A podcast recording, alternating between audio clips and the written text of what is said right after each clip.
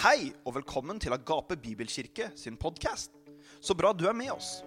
Her kommer du til å høre undervisning fra kirken. og Uansett hvor du er, så håper vi dette budskapet vil inspirere, oppmuntre og velsigne deg.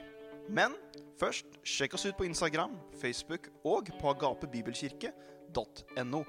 Her er siste gudstjeneste fra Agape. Yes. Der er det lyd. Bra. Herlig. Nei, tusen takk virkelig for bønn og for det det eventuelt måtte gi. Det, det kommer godt med. Når det gjelder det skriftstedet du ga oss, da, Laura, så er det et skriftsted vi flere ganger fikk ganske tydelig for oss når vi bodde der borte sist. Det var liksom egentlig skriftstedet vi bare opplevde igjen og igjen og kom til oss, og Gud brukte når vi ja, når det var ting vi trengte, eller ting vi mangla, eller, eller sånn. Så det tar vi. Takk. Det var spot on.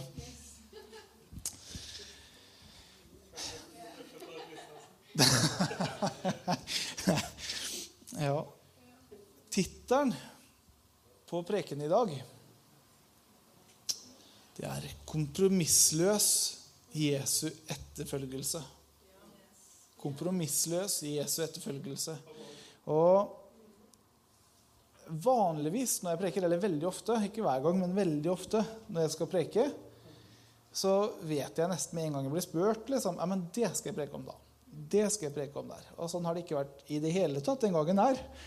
Uh, egentlig vært litt sånn uh, ja, nesten slitsomt.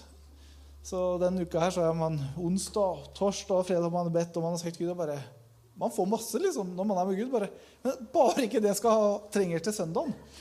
Men uh, ja, det er det noen ganger, altså. Litt mer opp. Ja. Nærmere. Ja. Men eh, fredag kveld da kom den setningen her, eller den lille setningen her. 'Kompromissløs Jesu etterfølgelse'. For dette eh, Vi er kalt, altså vi er jo hans disipler. Og i det øyeblikket vi blir frelst, så får vi Jesus som frelser og Herre. Og en del ganger og en del mennesker de har Jesus som frelser. Og vi aller fleste vi er der i perioder at livet vårt det havner i våre egne hender, og vi styrer det meste sjøl. Men det fins også en del mennesker som har Jesus som frelser, men ikke nødvendigvis som herre. Når, Jesus, når valg i livet hva skal vi gjøre? Hvem vei skal vi gå? Hva er rett, og hva er feil? Hva er sunne og gode verdier? Så er det ofte prosesser som uh, min kjære frelser får stå der borte og observere at vi, ja, at vi går gjennom og bestemmer oss for. Men du vet at vi er kalt av han som altså Han er vår herre og frelser, ikke bare frelser. Han er herre i våre liv. Liva vi lever, han er herre over det hva vi gjør, hva vi er kalt til. Alt er, det, det er i Han. Det er lagt på Han. Hør på det her. Jesaja kapittel 6, vers 8, så står det etter det er Jesaja som ber, eller Jesaja som hører fra Gud. Da hørte jeg Herrens røst som sa, Hvem skal jeg sende, og hvem skal gå for oss? Da sa jeg, sier Jesaja, Se, her er jeg, Send meg! Og Det er bare sånn tanke som kom til meg når jeg leste her. Åssen ser det her ut i dag? For det er så ofte så snakker jeg med folk, liksom. Og de forteller at der, jeg, jeg, mener det, Folk har svart belte i unnskyldninger. Altså, det er liksom, Jeg bare ser for meg det svaret til Jesaja. Det ville vært noe sånn som det her at Her er jeg. Send meg når jeg er ferdig på studiene. Bare jeg hadde vært ferdig med studiene, så skulle, skulle jeg gjort det òg, liksom. Eller 'Her er jeg! Send meg!' Når uh, barna er ferdig på skolen. Og jeg har hørt det så mange ganger. Eh, senest flere ganger den uka som var. liksom. Å, jeg, jeg bare kjenner sånn trang liksom, til å bryte opp, og Gud har noe med for oss. Og.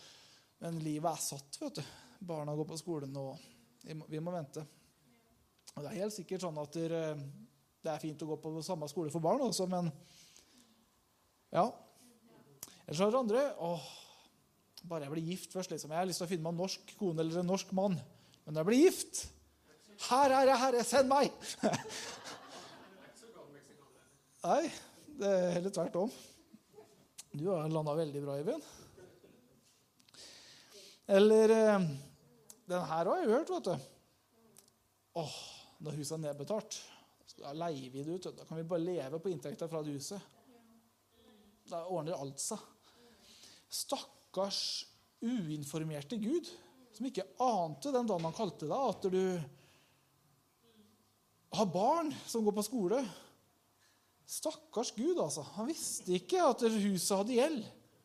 Og i vår tilfelle, da liksom, Jeg har tatt meg selv noen ganger og tenker bare, det hadde jo ikke vært en dårligere tid å dratt bort til USA enn nå. Dollaren er jo kjempedyr. Og så bare kommer tanken bare, ja, Stakkars deg, Gud. Du visste jo ikke at skulle være, dollaren skulle være så høy når du kalte oss. Akkurat som Gud ikke visste. liksom. Akkurat som Gud ikke vet hvordan han skal forsørge oss. Gud vet jo at du har barn, og man kaller deg til å gjøre noe. Og jeg er helt sikker på at Gud kommer til å ta vare på barna dine. Han kommer til å gi deg visdom og kunnskap til å gjøre det på en så bra måte at barna selv bare elsker det.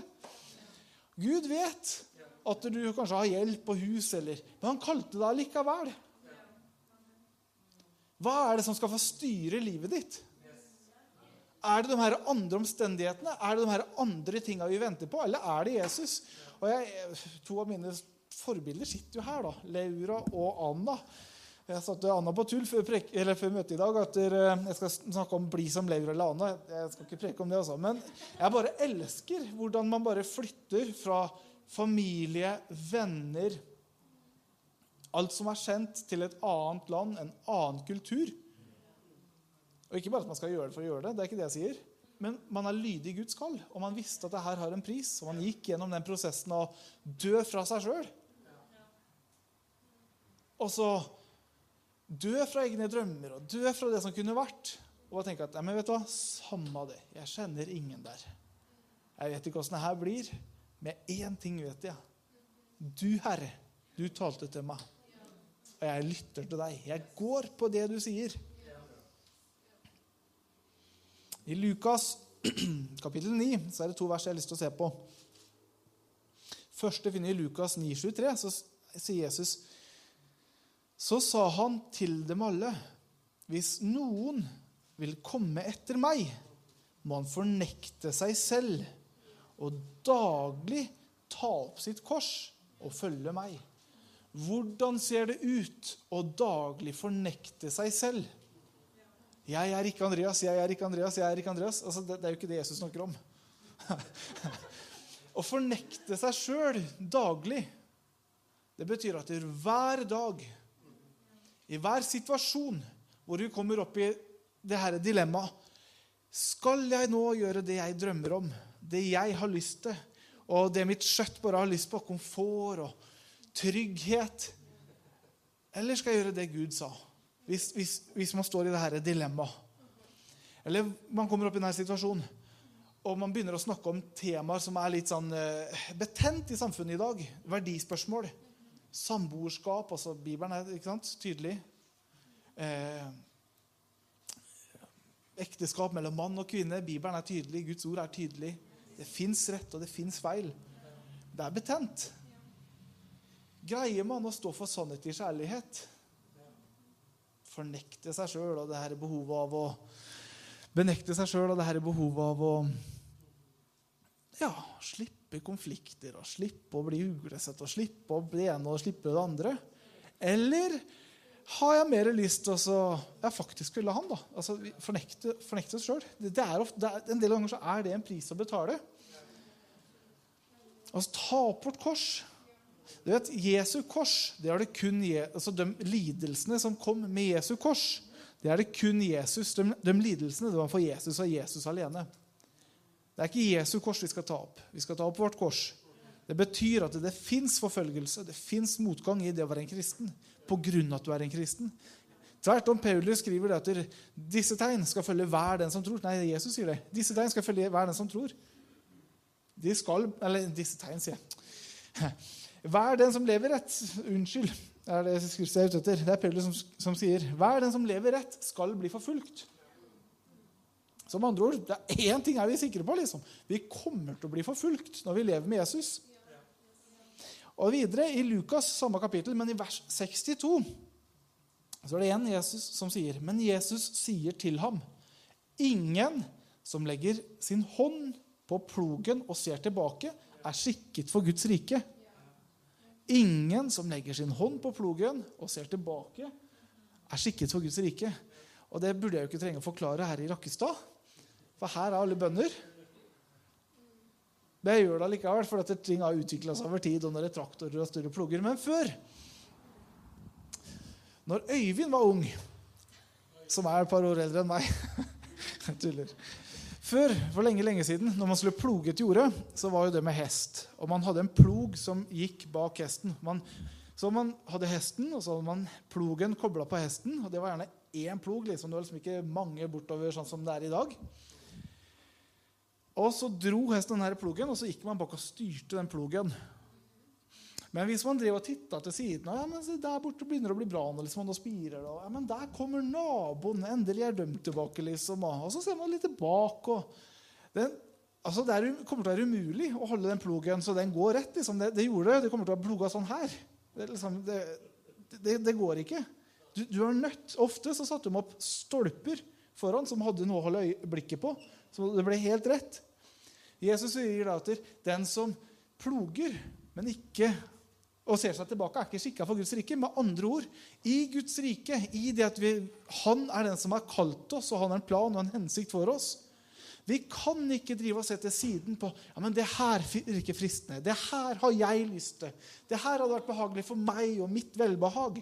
Eller det her Tenk på det han eller hun har kalt deg. Det er jo mye morsommere enn det jeg har lyst til. Og de har jo mye mer framgang enn det jeg har hold, det, enn det jeg har i det jeg holder på med. Og så ser man litt på de, og så her, og så ser man seg tilbake. åh, det var jo så flott, det jeg holdt på med før. Kanskje jeg skal gå tilbake til det. Og så har Gud et kall for oss. Han har en retning for oss. Han har, altså, han har en plan og en hensikt med vårt liv. Vi har et oppdrag. Vi er nødt til å holde blikket framover. Vi kan ikke se på alt det her å, det her har jeg lyst til å gjøre, for det er så godt for meg. Og vi kan ikke drive og misunne dem som holder på over her. Eller se tilbake på det som var der. Vi er nødt til å bare holde blikket framover. Hver dag leve med Jesus. Herre, din vilje skje. Jeg følger deg, jeg tjener deg, jeg lever med deg, Jesus. Og hver dag, og ikke sånn på en lovisk måte at å, det er tøft og vi må gå gjennom denne lidelsen for vi lever med Gud. Men hver dag lever vi i denne relasjonen med Han og hører fra Han og, og gå på det Han sier. Og så havner jeg likevel i de her situasjonene at det er noen ganger så er det andre ting jeg heller har lyst til. Og da er det noen ganger en pris å betale, men jeg gjør det her allikevel. Og det er noen ganger at det jeg holder på med nå, det gir ikke så mye resultat akkurat nå. Og så ser jeg dem over her. Og de har bare så framgang, og de bærer så mye frukt. Og tenk om jeg bare kunne fått gjort det, jeg òg. Og så er det noen ganger vi går med Gud, og så kommer vi inn i skikkelige stormer. Og så begynner vi å tenke på sånn var det ikke før. Og så ser vi oss tilbake. Hold blikket framover. Hold blikket på det han har sagt. Han har et kall for oss. Han har en mening for oss. Han har liv for oss. Kompromissløs Jesus-etterfølgelse.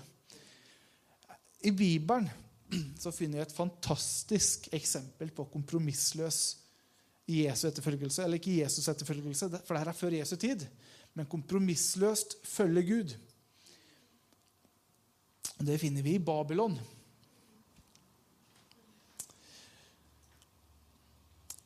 I Babylon det var jo et rike, et ugudelig rik, verdensrike på så mange måter. Så mye fælt som skjedde der så mye ugudelig som skjedde der.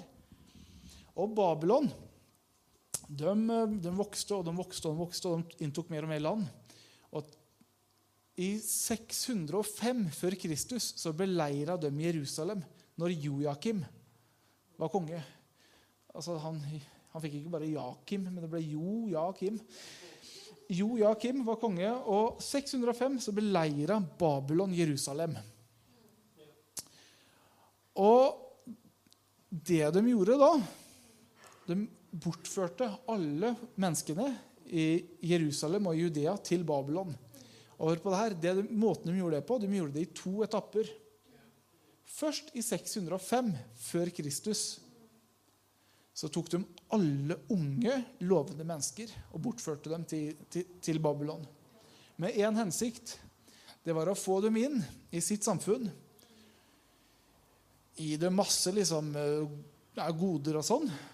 Men samtidig innprente og innprente og innprente. Dømmes verdier, dømmes kulturer og dø, ja, dømmes tankesett og levemåte.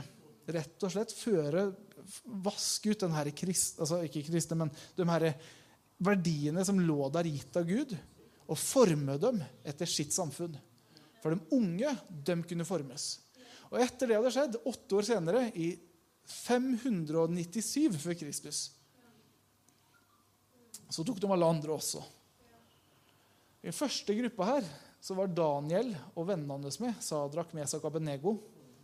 I den andre gruppa Åtte år senere så var det Sekel med. De bortførte alle og tok dem til, til Babylon. Å, og, og, først for å endre verdiene til de mange. Og det her er litt interessant. Det er akkurat sånn holder verden på i dag òg. Eller ikke verden, men ånden bak det som skjer i verden. Jeg hørte et intervju. En som hadde vært med Rockefeller. altså Han var jo verdens rikeste mann når han levde. Holdt på med olje. og hadde nærmest monopol på olje og eide alt som var av det som ble tatt opp i USA. Eh, Rockefeller han var, eller hans stiftelse når, når kvinnefrigjøringskampen begynte å pågå, så ble han den økonomiske bidragsyter nummer én til kvinnefrigjøringa. Og, et, og, og, til en venn så fortalte han for at det ble en samtale hvorfor gir du så mye penger til det her. Altså, og jeg, jeg mener, Ikke misforstå meg når jeg tar opp det her. Jeg er helt for kvinnefrigjøringa. Absolutt. Og likeverd. Men spør hvorfor, hvorfor, hvorfor gir du så mye penger til det her? Hvorfor, det her? Hvor, hvorfor gjør du det? Og da sier han selvfølgelig. Det er to gode grunner. Nummer én vi trenger å få damene ut, ut, i jobb. For vi får ikke skatta, be, altså beskatta halve samfunnet. Halvparten av innbyggerne i landet får vi ikke beskatta, for de er hjemme med barna sine. Og nummer to får vi kvinnene ut av huset, får vi barna ut av huset og på skoler. Og vi kan forme verdiene til et helt samfunn. Og Det er liksom ikke den der homeschooling, og det er, liksom ikke, det er ikke det jeg prøver å si. Men akkurat sånn holder verden på. De unge det er dem vi kan forme verdiene til. De unge de er så lett formbare. liksom. Sånn gjorde man her. sånn. Så i hvert fall et ugudelig samfunn. Og midt oppi det her så har du Daniel, Sadrak og Mesak Abednego. Guds fryktige mennesker som Gud bare hadde så velbehag i. Eh, de æra Gud, de frykta Gud, de levde kompromissløst med han i det her ugudelige samfunnet. Og det er bare så relaterbart til oss i dag, som er i denne verden, men ikke av denne verden. Og vi ser all ugudelighet som skjer rundt oss. Ikke sant? Så i kapittel 3 altså har Sadrak og Mesak og Abednego, som er deres eh, babylonske navn. De hadde egentlig andre jødiske navn.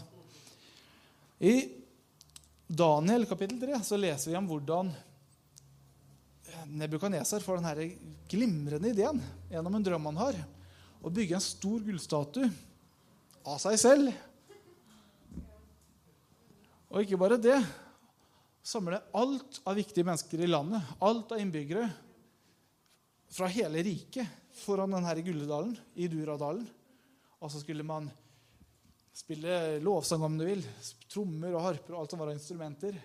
Og når de spilte, så skulle alle viktige mennesker som kom fra alt mulig av forskjellige samfunn som babylonske riket hadde tatt over. For det her er folk fra mange forskjellige kulturer.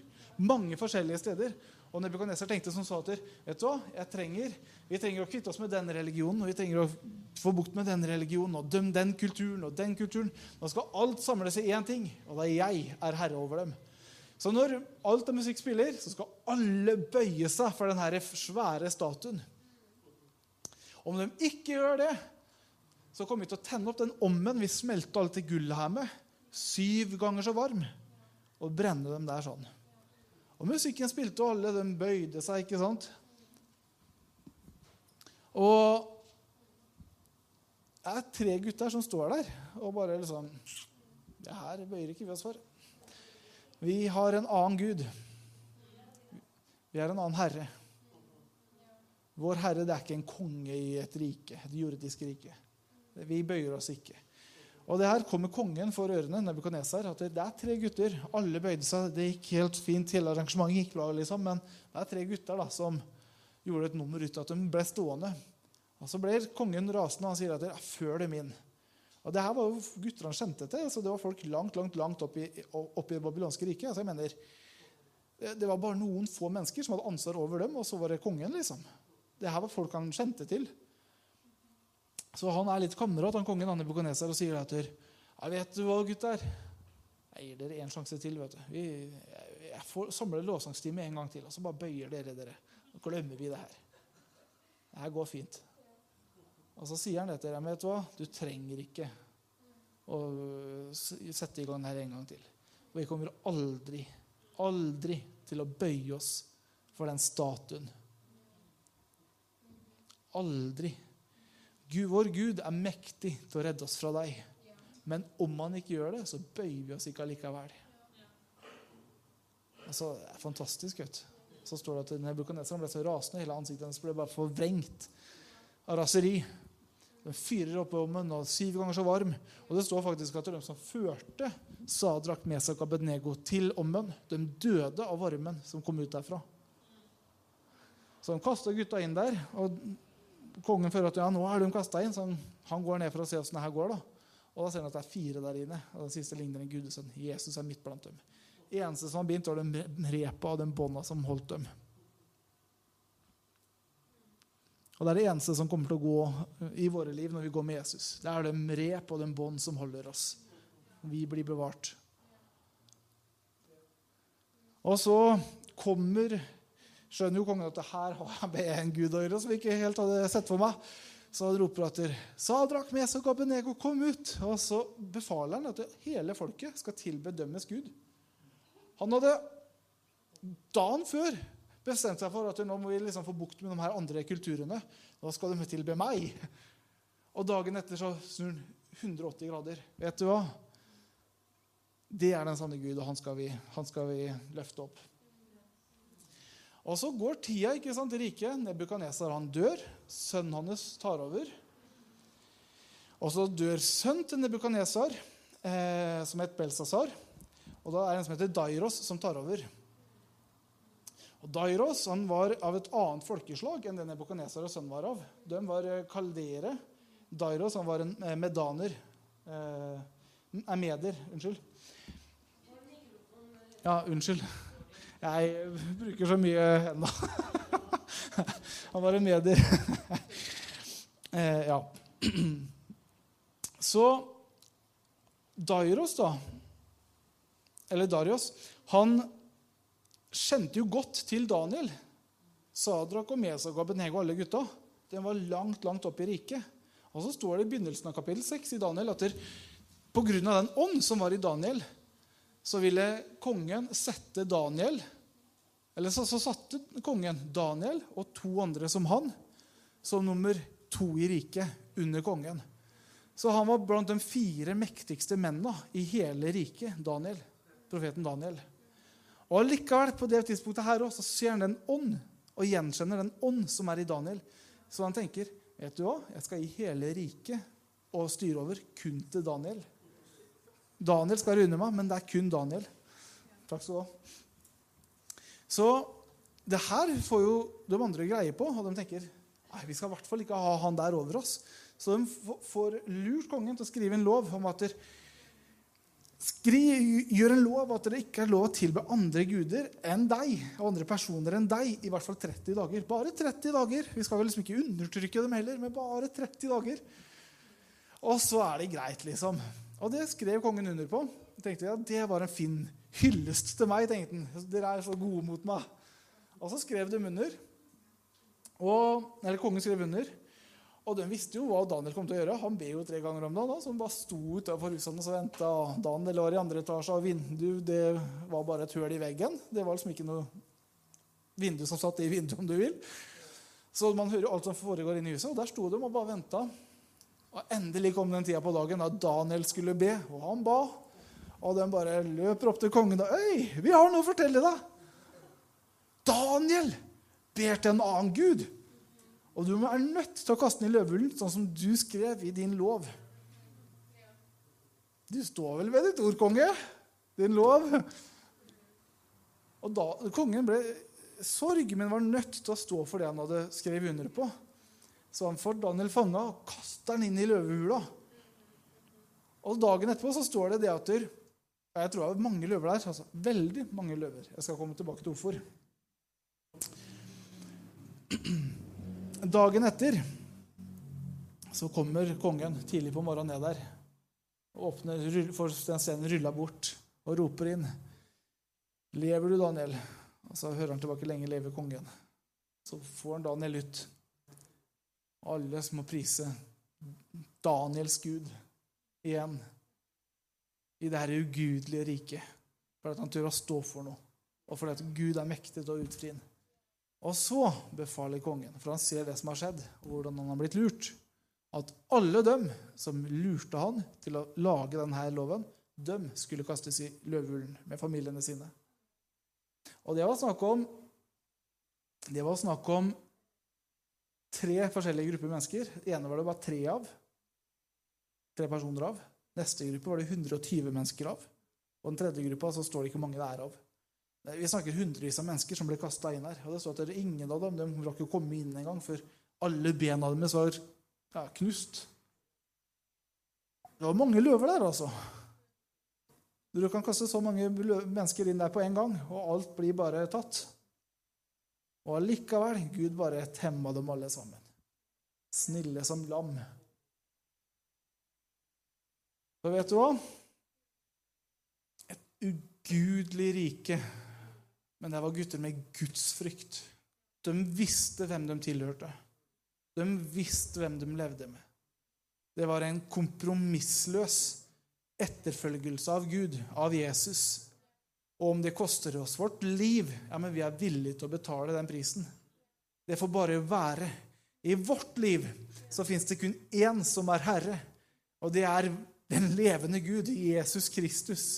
Og samme hva andre måtte mene. Jeg bøyer meg ikke for noe annet. Jeg viker ikke av for noe annet. Og jeg er villig til å betale samme hva pris det måtte være. Og vet du hva? Vi har ikke andre guder som vi ber til her hjemme. Men jeg ser allikevel avguder i våre liv og i og, og, og, vår kultur blant så mange kristne. Jeg har til og med måtte, flere ganger måttet ta oppgjør med det i mitt eget liv.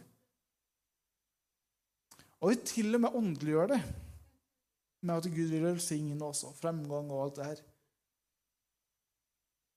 Altså, Man er villig til å gjøre alt. ikke sant? Gud, send meg hvor du vil. Men jeg vil gjerne bo i et veldig fint hus.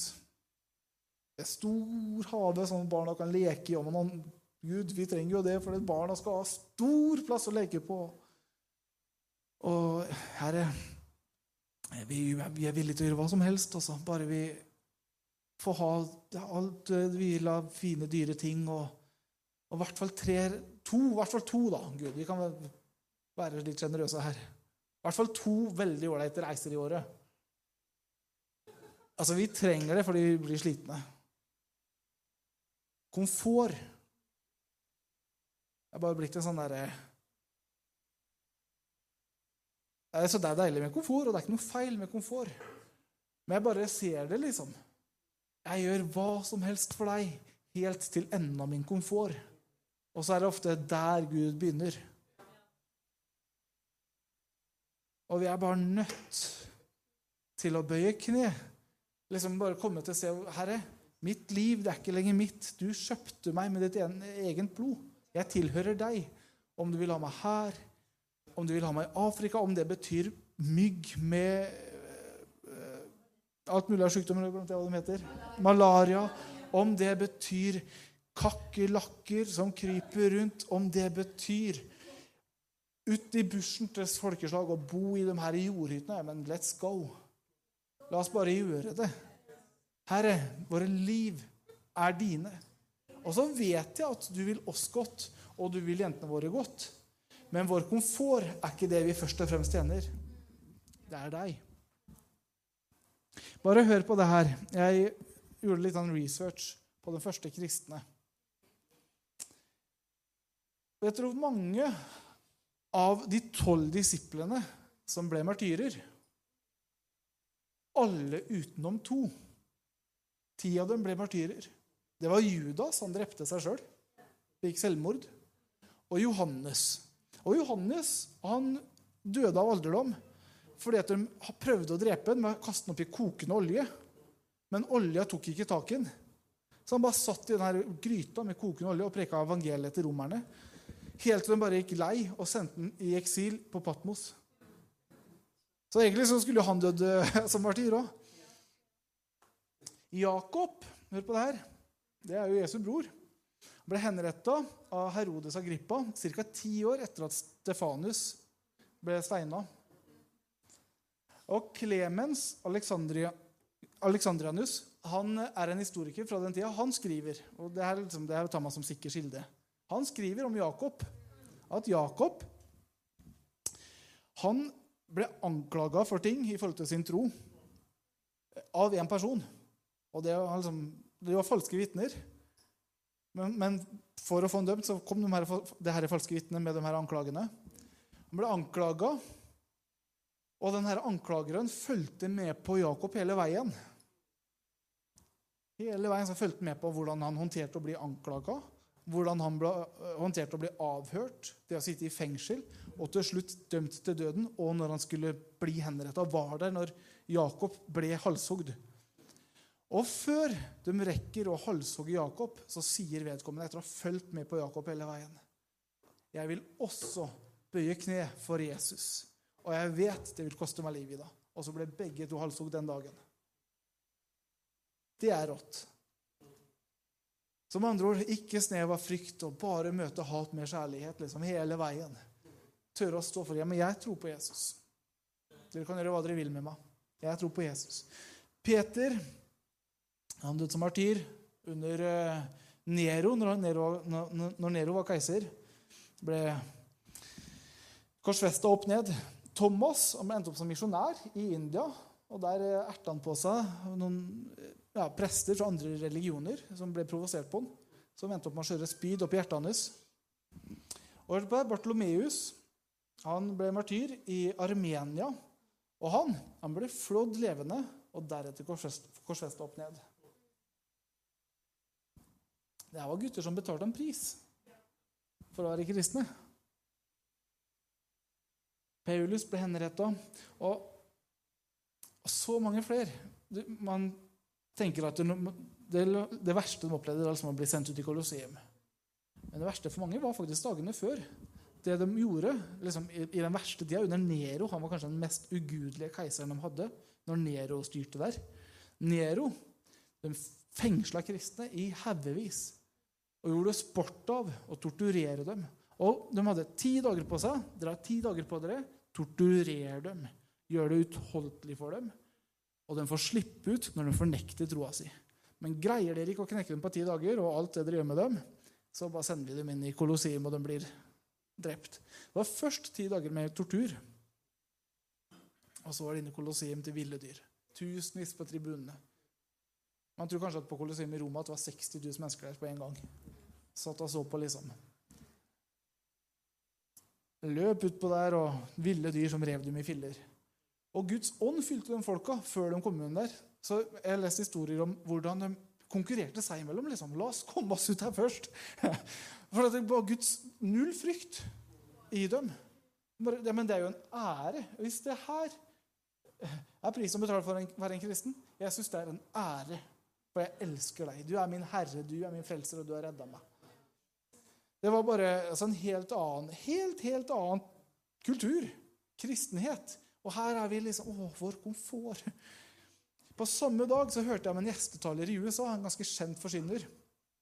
Han var i en menighet, og han sier til menigheten at ja, jeg kommer, men dere må kjøpe nye senger legge, eller nye madrasser og legge dem, bytte ut madrassene på hotellrommet mitt. for Jeg sover ikke i madrasser som andre har sovet i. Samme dag så snakker jeg med en annen som hadde vært i Ukraina, møtt med en pastor. Og jeg får høre om uh, noe av det som de går gjennom. Han herre pastoren som vedkommende hadde møtt med, hadde vært pastor i nærområdet av eh, Hva heter den der byen som ble bomba så veldig? Ja, havnebyen. Mariupol. Yes. Ikke i Mariupol, men liksom rett utafor, i det annekterte området. Eh, ja, i Dombos-området er det vel. Men i hvert fall Han hadde vært på misjonsreise i Armenia den dagen som uh, russerne kom. Så han ser bare på nyhetene at det nå skjer det ting hjemme. Så han uh, i panikk ringer hjem og hører med kona da, kom, det, kom dere dere ut? Og så sier de at ja, nei, vi har kommet oss vekk, jeg og sønnen vår. Men dattera vår vet jeg ikke hvor er. Har en datter på 17 år. Og han bare kaster seg på Gud. liksom, Gud, du må bare hjelpe henne. I desperasjon. Han vet liksom hva som kommer til å skje. altså Voldtekter og det, så mye drit som skjer i krig. Helt desperat for dattera si. Og så går det flere uker, og etter flere uker, jeg tror over flere måneder, så finner de endelig ut at hun lever, at alt er bra med henne. Og så spør de åssen kom du deg ut derfra alene. Og så forteller hun jeg var i leiligheten. Så hører jeg bare begynner å smelle rundt oss. Overalt. Det bare smeller, og det smeller, og det smeller, og det bombes. Og så banker det på døra. Jeg satt helt i sjokk. Jeg, jeg greide ikke å gjøre noe. liksom. Og så banker det på døra, og det er en mann der som griper tak i armen og sier, 'Kom, løp, vi må vekk.' Og jeg løper med denne mannen, og han visste alle sånne veier jeg ikke hadde tenkt en tanke om liksom, at vi kunne løpe. Det var ikke kø noe sted, for han kunne alle de her andre veiene. Og Så kommer vi oss ut av byen, og så sier han på meg Dra den veien. Jeg må inn i byen og hente andre mennesker. Så jeg ser den veien han peker, og så sier jeg Og så er han borte. En engel som hadde leda ut. På samme dag så hører man liksom, å, jeg kan ikke komme hvis ikke dere kjøper nye senger. Jeg sover ikke en seng som andre har sovet i. Altså her vi er, vi er, bare nødt liksom, til å komme til en plass hvor Herre, vi vet du er god, og vi vet du har gode planer for oss. Men vi vet også at å leve med deg er å erte på seg verden. Det vil bli forfølgelse. Og det fins mennesker, steder i verden, som, hvor det ikke er behagelig å være. Samme hva det måtte være, Jesus. Her er jeg. Send meg. Her er jeg. Send meg. Bruk oss, Herre. Vi trenger å dø fra oss sjøl. Dø fra vår komfort. Vi har ikke tid til å leke kristendom, liksom. Leke det dette livet at Å, ja, det, er så, du er så god Gud, og vi kommer, kommer til menigheten, er der en og en halv time, og vi lever våre liv. Og alt vi drømmer om, og alt vi gir tida vår til, det er å bygge vår egen komfort og vårt eget liv. Og, for nå skal det være så behagelig. Og jeg mener, det er ikke noe feil med komfort. Det blir feil den dagen at livet vårt styres av det. Gud vil at du skal ha det komfortabelt. Men når livet ditt er styrt av det, da er vi på avveie. Vi trenger å bare omvende oss, så kan vi ikke ta oss og reise oss opp alle sammen. Og låsingstimen kan komme opp. Jeg har lyst Én ting jeg har lyst til i dag. Vanligvis bruker jeg å veldig sånn vi. Invitasjon til forbønn. Men jeg har lyst til å spørre deg om du gjenkjenner i deg sjøl at men vet du hva? Det var en gang jeg i mitt hjerte bare bestemte meg for at Herre, samme hva det er, her er jeg, bruk meg.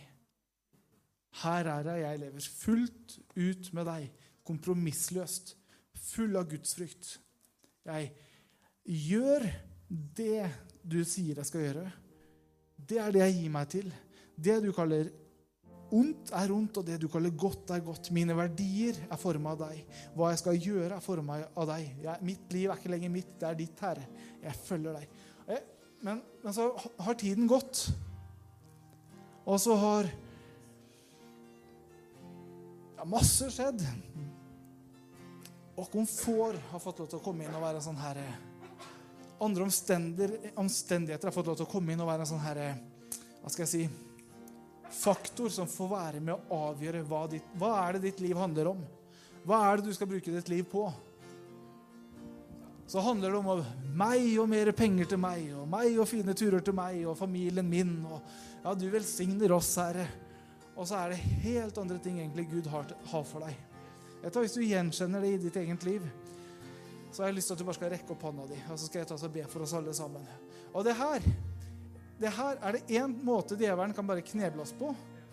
Altså, det er gjerne det her eller fordømmelse. Enten bare i komfort eller i fordømmelse. Det er én av to ofte. du, så, så vi alle trenger noen ganger å bare ta et oppgjør med det. Hvis du gjenkjenner at det, vet du hva? Det er grenser jeg har begynt å sette i mitt eget liv. For det er komfort, og det er andre ting jeg har lyst til å gjøre. Men vet du hva? Jeg vender om fra det til deg igjen, Jesus. Jeg skal leve kompromissløst for deg. Helt kompromissløst. Hvis det er deg, og du gjenkjenner vet du hva? Sånn har det faktisk vært den siste tida. Jeg vil vende om fra det, så vil jeg at du skal rekke opp en hånd. Og så skal vi ta oss og be sammen. Så jeg teller til tre, og så kan du få lov til å rekke opp en hånd hvis du kjenner at ja, men vet du hva? Det er, det, sånn, sånn har det faktisk vært den siste tiden. Så én, to Tre. Gud velsigne deg. Gud velsigne deg. Gud velsigne deg.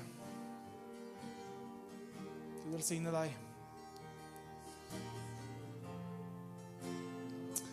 Herre, vi takker deg, priser deg og ærer deg. Vi takker deg, Herre, at du er bare god. Du er full av nåde og full av sannhet. Du har framtid og håp for oss. Våre liv er skjult i deg, og våre liv er kjøpt av deg. Herre, jeg bare ber for oss alle sammen nå, Herre. Gi oss en øyenåpner, Herre, sånn at vi bare kan shake av oss de her bånda av komfort, de bånda av egne drømmer, de bånda av å se på andre og misunnelse som finnes der. Vi bare kan riste oss løs fra det, Herre. For Herre, vi vil leve fullt ut for deg. Vi vil leve kompromissløst for deg. Vi vet det er en pris å betale.